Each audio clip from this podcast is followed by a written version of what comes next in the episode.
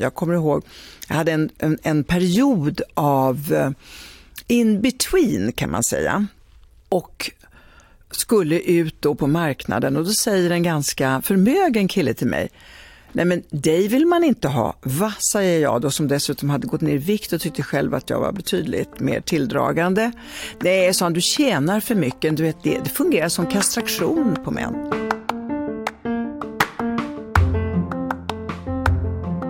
Det här är Fattig eller rik med mig Ara Mustafa och Amelia Adamo.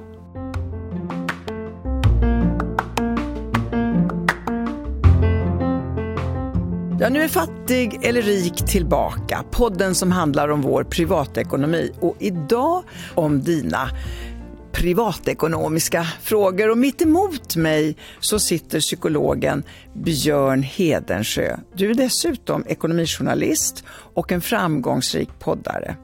Tillsammans med Lina Thomsgård så gör du Dumma människor. Och nu har det blivit med en ny podd. Och vad ska den heta då? Den ska heta Plånbokspsykologen. Okej, är det för de dumma människorna då? Nej, eh, utan det, är, det, blir, det blir en podd här på EFN och den ska handla om, om ekonomi och känslor kan man väl säga. Ja, alltså det, det, det blir ett, ett slags psykologsamtal med en inbjuden person och så pratar vi om eh, det kan vara någon slags ekonomisk ångest eller att det man... finns det ju rätt mycket kring pengar, oro, ångest, allt eh, ifrån de som eh, inte kan hantera pengar. Ja, eller de som har väldigt mycket pengar och är fullständigt olidliga i sitt skryt. just det. Precis, att det, det, det kan vara liksom olika typer av känslor kopplade till det här med ekonomi och pengar. Det finns ju väldigt mycket att, att, att säga där. Men har du inte skrivit en bok? Jag har skrivit några böcker. Jag har skrivit en om sömn som heter En perfekt natt och så en om stresshantering som heter Tid att leva tillsammans med ett par andra. Okej. Och sen så har jag skrivit en bok om ledarskapspsykologi som heter Helikopterfaktorn. Jag ska också berätta för Ara inte är här. Och det har bland annat att göra med att jag tror att han håller på att titta på nya marknader eller vad han gör, men framför allt för att han Ämnet är inte riktigt eh, Aras ämne. Ångest för pengar, det kan han inte stava till. Nej, jag har ju lyssnat på, på ett gäng avsnitt av, av er podd och han framstår som en väldigt glad sparare, sådär, som, en, som en rätt lycklig eh, men nitisk sparare. Ja, jag tror Men- han är en lycklig Ja. människa. Det, det, det, det låter så. Men man kan också tänka sig att, att folk som sparar sådär, som, så, som är så rigida i sitt sparande, att, att det kan vara lite ångestdrivet. Att man kanske skulle må bra av att släppa lite på, på den där väldigt, det där väldigt hårda sparandet. Inte, inte i Aras fall där, han verkar ju supernöjd med, med livet så som det funkar. Men jag tänker mig till exempel att det skulle kunna ställa till det i relationer. Ja, man, när en part sparar lite för mycket eller Ja. inte tillåter den andra då att eh, sväva ut. eller om man har väldigt olika uppfattning om hur man ska tillbringa semestern och så. Det är ju alltid intressant med psykologer som ska lära andra personer hur de ska komma över sin ångest eller eh, fel eller vad de gör. Men hur är ni själva? Hur är din Ja. ekonomi då? Nej men vi är ju bara människor med, med fel och brister. Jag har en, en god vän som ibland brukar säga till mig att, att du, du är någon slags världsrekordinnehavare i att inte leva som du lär. Fast det, håller jag inte riktigt med om utan faktum är att jag tycker att jag har väldigt mycket nytta av. Jag tänkte säga, det är väl en poäng Ja. att du inte är en bankman ändå. Där, att du liksom vet hur det är när belöningshjärnan slår till och Ja, man inte riktigt gör det man borde göra med sina pengar. just det. Ja, men verkligen, alltså, så, är det nog väldigt mycket. Att jag gör väl i princip samma misstag som alla andra men är kanske lite liksom bättre på att se mina kassabeslut så att säga, Ja. under tiden som de pågår. Hur, hur funkar du Amelia? Jag har vuxit upp man kan väl säga fattigt. Inte fattigt så att det inte finns mat på bordet, men fattigt i den bemärkelsen att varje krona räknas. Fattigt i den bemärkelsen att det fanns liksom inte utrymme för skolresor, ingenting extra kunde man säga. Inte cyklar, det fanns inget sånt. Invandrarfamilj. Det har gjort att jag blev väldigt noga med pengarna. Samtidigt i takt med att jag har fått om så kan man väl säga då att jag uppför mig som en liten små nyrik person. Jag tycker det är roligt om jag har råd. Nu vågar man inte säga att jag åker business class för nu ska man ju inte flyga men innan Greta så tyckte jag om jag hade råd att göra lyxiga grejer så tyckte jag om det att bo på ett finare hotell än vad jag tidigare hade gjort. Så jag kunde liksom sprätta med de här pengarna, men hela tiden ha koll på pensionsfonderna, på att det fanns tillräckligt mycket på bankkontot så jag inte skulle överraskas om taket på Dalaröhuset, om det regnar in. Sån, sån är jag. Mm. Så att liksom, om det finns ett överskott så kan man ha kul för de pengarna? Precis, ja. och se alltid till att det finns buffrar. Ja. Jag fick en förfärlig restskatt, jag kan nästan inte säga hur mycket det var. Men, och då klarade jag det. Du, du, du måste nästan berätta Amelia, hur mycket pengar det här var. 376 000. Herregud. Ja, och det var av misstag för jag hade sålt fonder och lite av varje och inte varit inne med skatten. Mm. Och då när man får en sån här chock som man liksom bara eh, tror att de har gjort fel på Skatteverket, mm. då är det väldigt bra att jag kan täcka det. Ja. Så, eh, så, ja, det kändes skönt. Jag kommer att tänka nu på en enda gång fått en bonus i mitt liv var när jag jobbade i Bonnier. Mm. Så var det något år som, som jag fick en bonus och det var en typ 300-400 000 spänn sådär. Härligt tillskott. Men så visade det sig att eh, de hade glömt att dra skatten. skatten ja. eh, så att det var någon som hörde av sig ett halvår senare och ville ha tillbaka hälften av det där mm. eller vad det var. Och det var inte så kul. Och då minns jag hur mycket Alltså man blev mer ledsen över att liksom bli av med alla de här pengarna än man hade blivit glad av att få dem till att börja med. Ja, därför du hade dem nästan. Ja, ja. lite så. Jag kan tänka mig det. Förr så var det så att eh, etta på skilsmässotoppen var pengar. Det är nu eh, nedknuffat från toppen. Det ligger lite längre ner för nu är mm. jämställdhet och den sak de, de frågorna som hör ihop där. Men de två eh, frågorna hör ju väldigt mycket ihop med varann. Ja, kanske hos dig om man går till plånbokspsykologen. Mm. Men annars så har det i första hand inte handlat om pengar, det har handlat om att ja, men, ditt jobb kommer alltid före mitt och du gör ingenting och du måste titta på amerikansk fotboll hela natten och så orkar du inte göra så och så. Eh, eller vad det kan vara för någonting. Men är inte det en ekonomisk fråga då i grund och botten? Alltså, det blir väl ofta så att den som tjänar mest på något vis liksom styr och ställer lite i liksom jämlikhets... Ja, men vad tror du då, om du säger så att i ditt förhållande så är det så att du tjänar mest och din eh, partner är sur för att eh, det blir ojämställt hemma. Om du då kommer med lite blommor och champagne och håller partnern på gott humör och säger att nu ska vi åka till något spa i helgen som jag ska bjuda dig. Vad tror du om det? Är det bra? Ja, alltså jag tror att i, i den relation jag var i senast så hade det nog aldrig funkat för att, för att där, var, där, där liksom var det en strikt strikt jämställdhet, alltså vi skulle ha exakt samma dagar föräldraledigt. Liksom. Det hade nog ingen champagne i världen kunnat ändra på. Um, men sen så tror jag att i, i, andra relationer kan det nog funka annorlunda. Men ska man inte tala ut då kanske hemma och säga, nu är det så här att jag tjänar mer och jag tjänar mer därför att jag jobbar mer.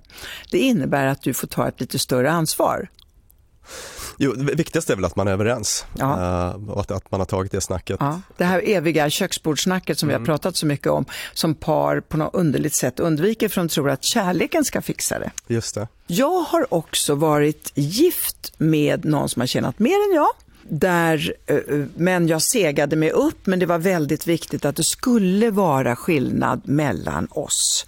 Att jag inte skulle vara jämställd ekonomiskt. Det blev ett konkurrentförhållande. Det var viktigt för dig att ligga lite över? Nej, tvärtom. tvärtom. I det här ja. fallet var det viktigt för han att ligga över. Ja. Och det var väldigt noga att det fanns den här diskrepansen mellan oss. Mm. Och det var inget jättestort eh, problem för mig men jag tror inte att han hade funnit sig i att jag hade segat om honom på inkomstligan. Om det hade blivit så? Om det hade blivit så. Nu blev det inte så. Men nu idag lever jag med en person som tjänar oändligt mycket mindre än vad jag gör. Mm. Han har inga problem med den statusen. Han bryr sig inte ett dugg om det. Och det är ingenting för mig heller, men jag vet att väldigt många män, jag kommer ihåg, jag hade en, en, en period av eh, in between kan man säga och skulle ut då på marknaden och då säger en ganska förmögen kille till mig, Nej men dig vill man inte ha. Va, säger jag då som dessutom hade gått ner i vikt och tyckte själv att jag var betydligt mer tilldragande. Nej, sa han, du tjänar för mycket. Du vet, det, det fungerar som kastration på män. Det kan du få svara på. Ja, allra först så vill man ge den här killen lite färdighets, basic färdighetsträning som vi brukar kalla det. Att, att det, det, det är en jävligt otrevlig sak att säga. Sen, kan jag tycka.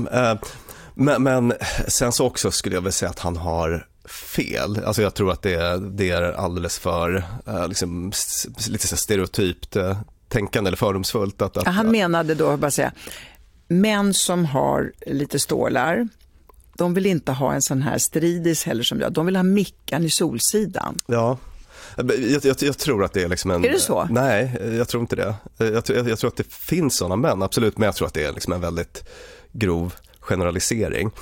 Men jag har en, en fråga till dig Amelia, ska vi se om du kan hjälpa mig att belysa det här. Eh, för att, för att jag är då separerad sedan en tid tillbaka och har hamnat på, liksom, i dejtingsituationer för första gången på 11, 11, 12 år eller vad det är. Och har då bara funderat på det här med, med notan. Liksom, ja, splitta nota-problemet. Split, splitta notan-problemet. Och har till slut liksom landat i att, att uh, det känns bra att liksom, som man typ alltid tar notan. Känns det bra? Eftersom det är ett problem du tog upp det kan det inte kännas helt bra va? Jo, nej, nej men det känns, det, alltså, det, det, det, är det som är grejen. Det känns bra, men, men jag tycker att det kanske liksom det kanske, men är det en och samma tjej eller ja. är det olika kvinnor? Ja, men det har väl varit lite olika så. Ja, för det är första gången då tycker du som man, då har du kvar de här gamla könsrollerna, du tycker som man ska du betala. Eh, vad händer om du när ni ses och eh, hej hej vad roligt ska vi gå och äta, vi delar, vi splittar väl nota, kan du, skulle du kunna säga det? Nej jag skulle nog inte kunna göra det och det bara visar ju hur de här liksom normerna på något mm. vis äh, sitter innanför skinnet på en. Men min spaning här är att jag, jag tänkte kanske att, att, att, det skulle se lite annorlunda ut i samhället men det verkar vara så, det verkar ändå vara så att liksom alla oavsett grad av så att säga, uttalad feminism eller så, helst vill att det ska gå till på det här sättet, att, att, att mannen tar notan. Kanske för att man förutsätter att du tjänar mer för att du är man. Det måste vara något gammalt så du har mer råd. Eller att du ska bjuda första gången, att det är något eh, uppvaktande i det. Ja, eller så har jag bara fel. Alltså, det, det, är också en möjlighet att det inte alls finns någon sån förväntan. Sådär. För det är ganska osvenskt annars. Svenskar är ju kända för splittarnota. Ja. Och att man sitter och räknar och håller på och kalkylerar och du har tagit en öl mer än jag och, och sådana saker. Det gör man, som jag kommer från Italien. Just det. Där fin, förekommer inte det? Ja, men det tycker jag att den, den typen av så bokföring är ju liksom extremt oromantiskt. Men det är svenskt och det är också så att man är noggrann vid ett materialistiskt land. Ja. Och då är det lite märkligt att du ska vara den som tar hela notan. Ja, på, en så teoretisk nivå kan jag tycka ja. att det är en liksom väldigt trevlig idé att man ska kunna splitta. Mm. Men på något vis i situationen känns det alltid rätt att, att Men om du ska träffa henne nästa gång, då kan man ju säga då, okej, okay, nu tar jag den. Och nästa gång kanske det är du. Ja. Det skulle du inte säga vid första dejten va? Nej, det skulle jag ju inte göra. Nej. Precis, men det här har också då börjat spela över till när jag träffar kvinnliga kompisar. Mm. Så har jag också liksom... Fått automatiskt... för att du ska betala? Ja, precis. Mm. Så det där är någonting jag får Men kan du inte säga, jag, jag brukar ju säga sådär, när jag, så, nej men du tjänar ju mycket mer och du har ju det där jättearvet, nu får du betala. Mm. Eller, jag betalar nu för du är så fattig. Det är väl så det ska funka, mm. att man kan stötta varandra så ja. Jag, men alltså, jag mår ganska bra av att, av att ta notan, märker jag. Och sen så vad, vad, det, vad det beror på, om det är liksom evolutionspsykologi eller om det är liksom normer eller en kombination skulle jag gissa, så, så, så, så kan det kännas ganska fint faktiskt. Hur reagerar kvinnan? För det är en kvinna du träffar. Min upplevelse är att alla, alla eh, är vill ha det så, eller det, det känns mm. lite så. Men, men det jag undrar om du kan hjälpa mig att besvara som, som, som, som insiktsfull kvinna, det är om, är det verkligen så eller är det bara jag som har fått den Nej, alltså jag idén? tror att det, finns, det är någon slags blandning av evolutionen, så de gamla könsrollerna. Mm. Att det är lite mysigt när eh, en man, men jag kan tycka att det är lite trevligt när en väninna betalar också i och för sig. Men mm. jag menar, jag tror att det ligger i könsrollerna det där att du ska beskydda och du ska betala och du ska mm. känna lite mer. Det får man ju kämpa emot och då så tycker jag ju att jag skulle ju inte göra det utan då skulle jag säga till dig, ja okej okay, betala nu, nästa gång betalar jag. Även om det inte blir någon nästa gång. Det skulle jag vara otroligt noga med för att mm. jag tycker att vi måste ändra ändå på det här att eh, vi eh, ska förvänta oss att vi ska ekonomiskt luta oss mot män, oavsett om det gäller. Samtidigt så får man ju liksom inte vara för rigid. Nej, visst. Ja. Nu ska jag komma in på ett annat Ja.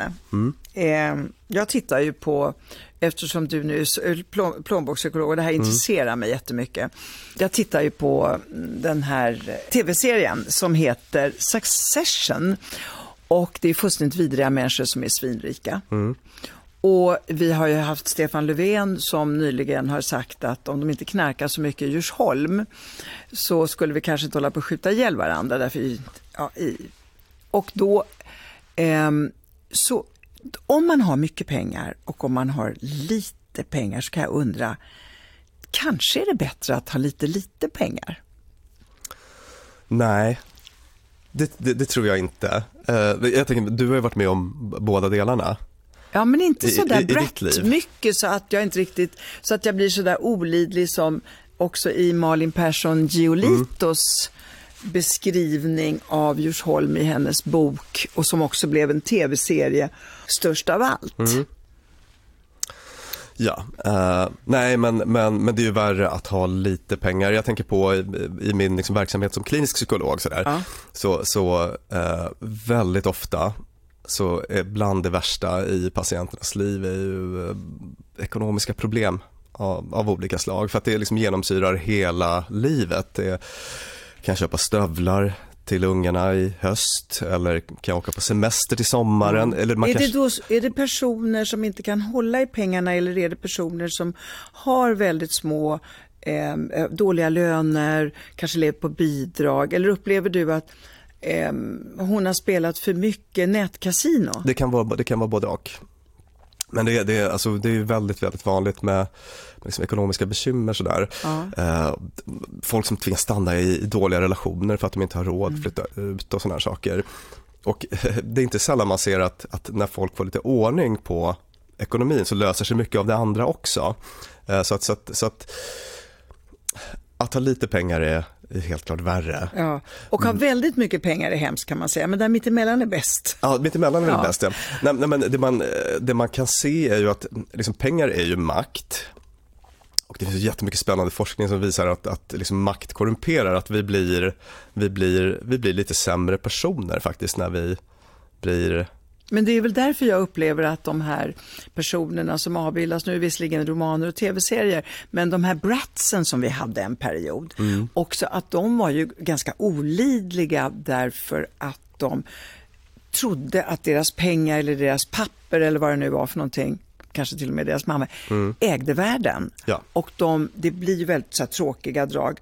Om man är fattig så tror vi då att de är strävsamma och de jobbar på. Men det kanske också kryper fram några tråkiga drag av fattigdom. Ja, jag menar man kan ju tvingas in i krim, kriminalitet och sådana saker. Eh, Men det finns en del studier som visar att, att fattiga personer är mer empatiska. Alltså till och med ner på den här, så här hjärnskanningsnivå, att, att, att, att man liksom kikar vad som händer i, i hjärnan när man, när man ser någon annans lidande och sådana saker. Jo, det kan jag förstå. Ehm, ja, därför de kan identifiera sig mycket mer Ja, med det. Medan den här andra som är på en extremt grön kvist kanske har ett förhärdat hjärta också. Ja, och, och jag tror att man kan liksom undvika att hamna i det där, men då får man vara lite medveten om riskerna med det. Att, Mm. att liksom maktpengar berusar och det blir lätt att man, att man kan bli ganska oskön. Det finns en otroligt illustrativ och väldigt kul studie tycker jag. Det var en forskare på Berkeley i USA som heter Dacker Keltner som tittade på hur folk med liksom olika dyra bilar och i vilken utsträckning de stannade för gångtrafikanter. Han stod en hel dag och kollade, delade in bilar i två kategorier, dyra och billiga, alltså enkel indelning. Inga billiga bilar körde på när det stod fotgängare och väntade, utan de släppte snällt över fotgängarna. Medan, ja vad var det, en hög andel av de här liksom Mersorna, BMW och lite dyrare bilarna. De som ägde världen. de som ägde världen, de stannar liksom inte. Och, och det, det, Men då det stämmer funkar det lite så. grann att Ja. även om det är en oerhört karikerad Ja. bild av en väldigt rik person, att det finns en fara Ja. med det där.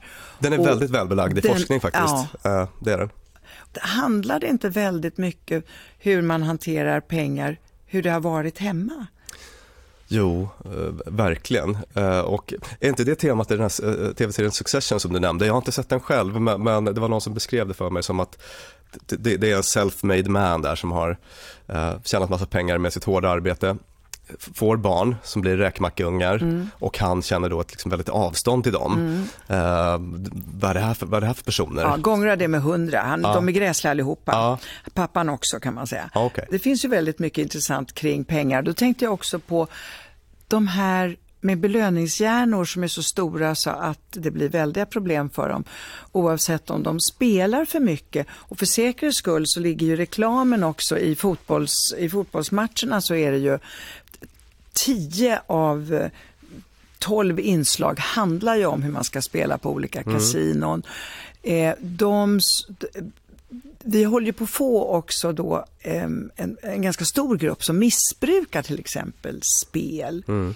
Vad är det de har i sina hjärnor som jag inte har? Jag vill inte, jag vill inte eh, spela nätkasin. Det, det, jag triggar inte på det.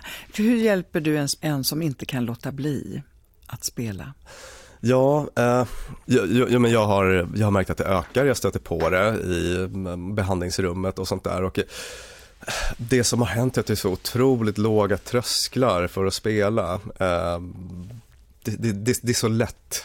Det, finns online, du behöver inte ens kila någonstans utan du kan sitta hemma, eh, kanske lite rödvinslullig i, på, på fredagskvällen och bara, och bara köra loss eh, online och, och eh, väldigt mycket reklam som du nämnde överallt och, och det finns ju de här, man, man, får ett belopp att starta med så man behöver inte ens ha pengar när man signar upp för olika sådana här online Ja men det där oroar mig faktiskt jättemycket. Mm. Eh, jag har ju inte eh, stött, haft det problemet nära mig, men jag har, har en son som man förr i tiden kallade för Flotta Vicke-typen. Mm. Känner du till den? Flotta Vicke, det är Berätta. han som, hej grabbar, jag bjuder. Mm. Och eh, Alltså han eh, lever över sina tillgångar skulle man eh, okay, kunna det, säga. Det, det är han är liksom småländsk, den småländska kontrasten. Ja. Det, finns ju lite olika, vi har pratat om splitta nota-sorten. Ja. vi har pratat om mm. de här gräsliga bratsen som mm. kör över folk vid övergångsställen för mm. de har en så fin bil. Nu är det flotta Vicke. Mm. Det finns ju väldigt många olika förhållanden man har till pengar beroende på vad då? Är det min barndom?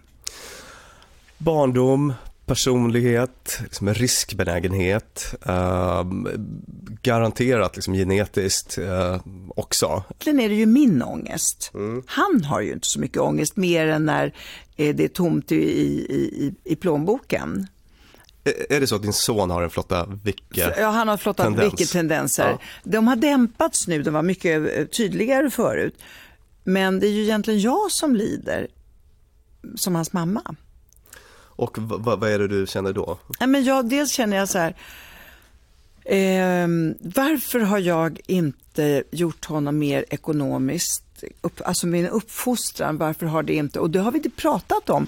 Och då eh, har han ju sagt, Ja, men jag är ju uppfostrad i en helt annan miljö än du mamma. Det måste du ju fatta. Det har aldrig saknats något hemma hos oss. Mm. Och jag har vetat att du alltid har täckt upp för mig. Och då det var min fråga då till mig själv då, skulle jag inte ha gjort det? Jag tänker att man vill väl hjälpa sina barn, det känns ju som det mest naturliga i, i världen. Och sen så finns ju det här att, att det är klart, de, de kommer ju att ärva en en dag. Eh, och, och den, den vetskapen finns ju där.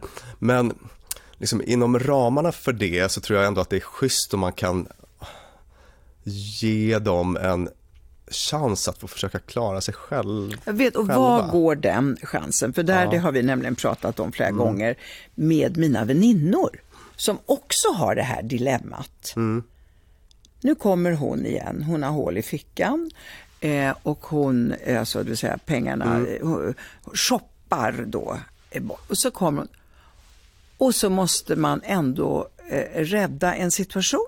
Mm. Det kanske finns barnbarn i, eh, mm. i, så vill man inte heller, då går man där och handlar overallerna och det är lite dyra, så lägger man till, för jag menar, det är som ett förskott på arven. Men samtidigt så blir det också att de vet att det aldrig blir så att det inte finns en unge som har en varm overall en vinter. Och då kan jag känna att skulle jag stänga till där och säga nej, det där får du fixa själv. Det har jag inte riktigt klarat av och jag är inte säker på eh, om det är bra eller dåligt. Eh, jag får ju kärlek tillbaka om mm. inte annat. Men samtidigt så är det ju så att det finns ju hela tiden mamma att gå till. Mm. Jag tänker att man kanske kan öva på något särskilt projekt. Ja. Säga sig att barnet drar igång någon liten business eller um, något annat sådär, så, så kan man vara tydlig med att det, det här får du liksom, uh, uh, jag kommer inte att stötta upp det om, om, eh, om det är på väg att gå åt skogen eller uh, det, det kanske inte är allas barn som startar företag, jag funderar på om det finns andra liknande, liknande grejer man kan, men, men säg att de ger sig ut på en resa, de ska ut på en, och backpacka eller någonting. Mm. Uh, så kan man komma överens före om att... Uh... Och så ringer de, för precis i den situationen har jag varit. Ja. Det var Flotta Vickes brorsa. Okej. Okay. Ja. Han eh, var inte den där som skulle bjuda laget runt mm. utan han hade en väldig förmåga ändå att sätta sprätt på stålar. Mm. Men då var han just på sån här backpackingtur mm. och ringer och säger att mina pengar är slut. Ska jag då säga till honom, du, gå ut och och fixa det någonstans. Ja. Och då försöker jag hitta en mellanväg och så säga du får en liten summa men du får faktiskt jobba ihop resten så får du betala tillbaka det här när du kommer hem. Mm. tyckte jag var då ganska bra. Jag har dock inte fått de pengarna. Nej. Kan jag säga. Det är väl ungefär 15 år sedan. Okej, okay, just det. Uh, ja, men det där tycker jag att jag känner igen från när jag själv var ett oansvarigt, uh, en oansvarig ungdom. Ja. Uh, um, precis, jag gjorde någon sån deal med min pappa som jag aldrig riktigt levererade på. Mm. Men det är väl en, en, bra mellanväg. Man vill ju inte att ens barn ska bli, behöva leva som, en, som ett gatubarn i, i Mumbai då kanske. Mm. Eh, men, men att man kan ställa någon typ av motkrav i en sån situation. Men då gäller det att man är liksom konsekvent och faktiskt... Ja, det är det som är svårt förstås. Ja. ja. Eh, jag tror att det, för min del tror jag också det har haft att göra med att att jag är så glad att jag har pengar så jag kan hjälpa till. Mm. Men vi ska lämna det. Det finns en annan sort eh, som jag känner till och det är den som inte öppnar kuvert, fönsterkuvert. De hamnar på något sätt under hallgolvet. Mm. Det blir något väldigt ångestladdat med de där kuverten och det där leder som en E4 rakt in till Kronofogden. Och man behöver inte ha ont om pengar för att uppföra sig på det här sättet. Det är bara, jag vet inte vad det är, jag frågar dig. Mm. Jag känner igen det där. Jag känner igen det också från eh, liksom, djupt deprimerade patienter eh, till exempel då, som, som, som, inte orkar. Högen växer, det blir bara mer och mer motstånd och återigen, det blir att man går på liksom, kortsiktig ångestlindring. Att man, man, man, man tittar på hallgolvet, där ligger det här fönsterkuvertet. Händerna framför ansiktet, liksom blunda så är det borta. Det känns skönt. Det känns skönt då och, och sen så dimper det ner ett brev från Kronofogden ett, ett tag senare. Men jag känner också igen det här hos mig själv. Jag har nu något fönsterkuvert från ett elbolag som har legat i två veckor på eh, och jag kan liksom inte förmå mig att öppna det eh, och där är det väl kanske inte så himla mycket ångest. Det är väl en, en elräkning på 400 kronor eller så som jag kan betala men det är mer att det, det är så tråkigt. Alltså vem gillar att betala räkningar? Jag tänker att det gäller väl det Mona även... Sahlin tyckte att det var sexigt med skatt. Kan du inte liksom eh, vrida på det? Jo, nej, men jag är väl en stolt skattebetalare, men, men, men ja, det, det, är bara, det är bara något väldigt trist. Men jag, jag tänkte att det behöver inte, det behöver inte vara någon sån här avgrundsdjup ångest utan det kan också vara ett, oj, ett, ett, ett milt obehag så att säga, som man mm. känner inför de här äh, fönsterkuverten. Det är, har, det har, du någonsin, har du någonsin fått ett fönsterkuvert med liksom roligt innehåll? Så? Nej, faktiskt aldrig. Nej. Men nu har jag ett tips till dig psykologen. Ja autogiro, då ser man det knappt. Eller hur? Det bara ja. liksom försvinner. Är det ditt när de kommer till dig om de skulle ha lida av den här fönsterkuvert-ångesten? Vad ger du dem för tips då? Ja, ja mitt det, i autogiro. Det, det tipset som du gav är väldigt bra. Det, är en sån här, så kallad, det finns en psykologisk term för det, alltså default-effekter, att man, att man ser till att saker händer per default bara, så, så blir allting mycket lättare. Så det är väl en kanonlösning.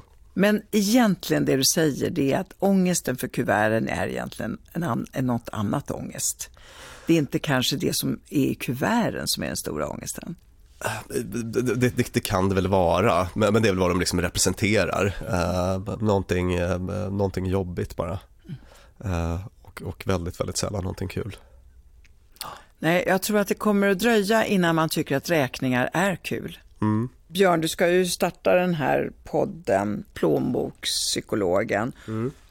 Och vad är det som driver dig att göra det? Ja, men det som gör det spännande tycker jag, det är att, att pengar är ju, det är så otroligt mycket känslor. Och det är en aspekt av eh, ekonomi och privatekonomi som, som aldrig riktigt kommer fram tycker jag i så rapportering eller så. Utan, men det är ju en enorm glädje, det är enorm ångest, eh, oro, eh, positiva negativa känslor. Eh, så det finns väldigt mycket där att utforska. Superspännande. Ja, och sen är det också kanske så att eh, vi talar ju väldigt mycket om börsen, mm. om Trump och Kina. Men du ska ju koka ner det till den lilla människan.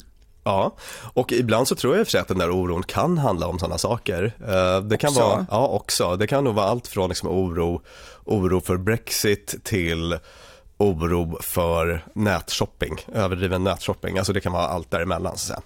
Men det här att ju närmare man är sin publik eller vad sådär, eh, så förstår man ju dem mera. Mm. Och vad bär du på då? Har du något skämmigt där? Oh.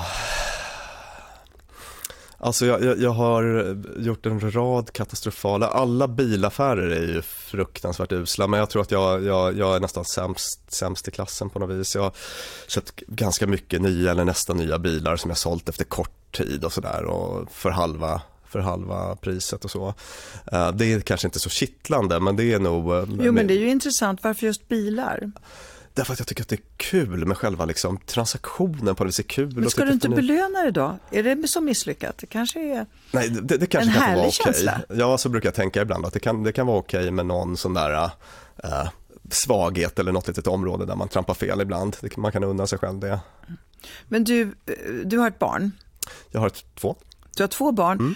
Och hur långt har de kommit i sin ekonomiska uppfostran? Eller hur långt har du kommit i din och eh, förstås modern? Ja, vi tre har väl tillsammans en bit kvar att vandra kan man väl säga.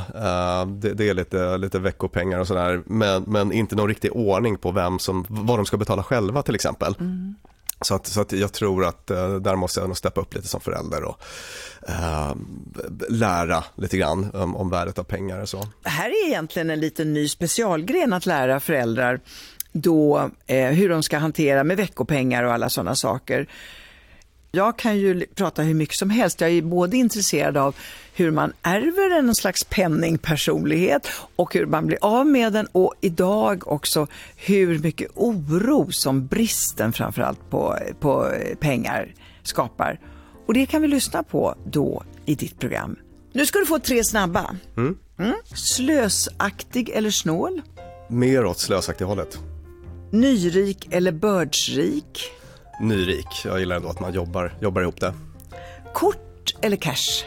Kort. Jag tycker det är bekvämt ändå med det kontantfria. Gillar det. Tack Björn, det ska bli jätteroligt att få följa din podd Plånbokspsykologen. Tusen tack för att jag fick vara här ikväll. Det är egentligen jag som ska tacka. Jag tyckte jag lärde mig mycket. Mm.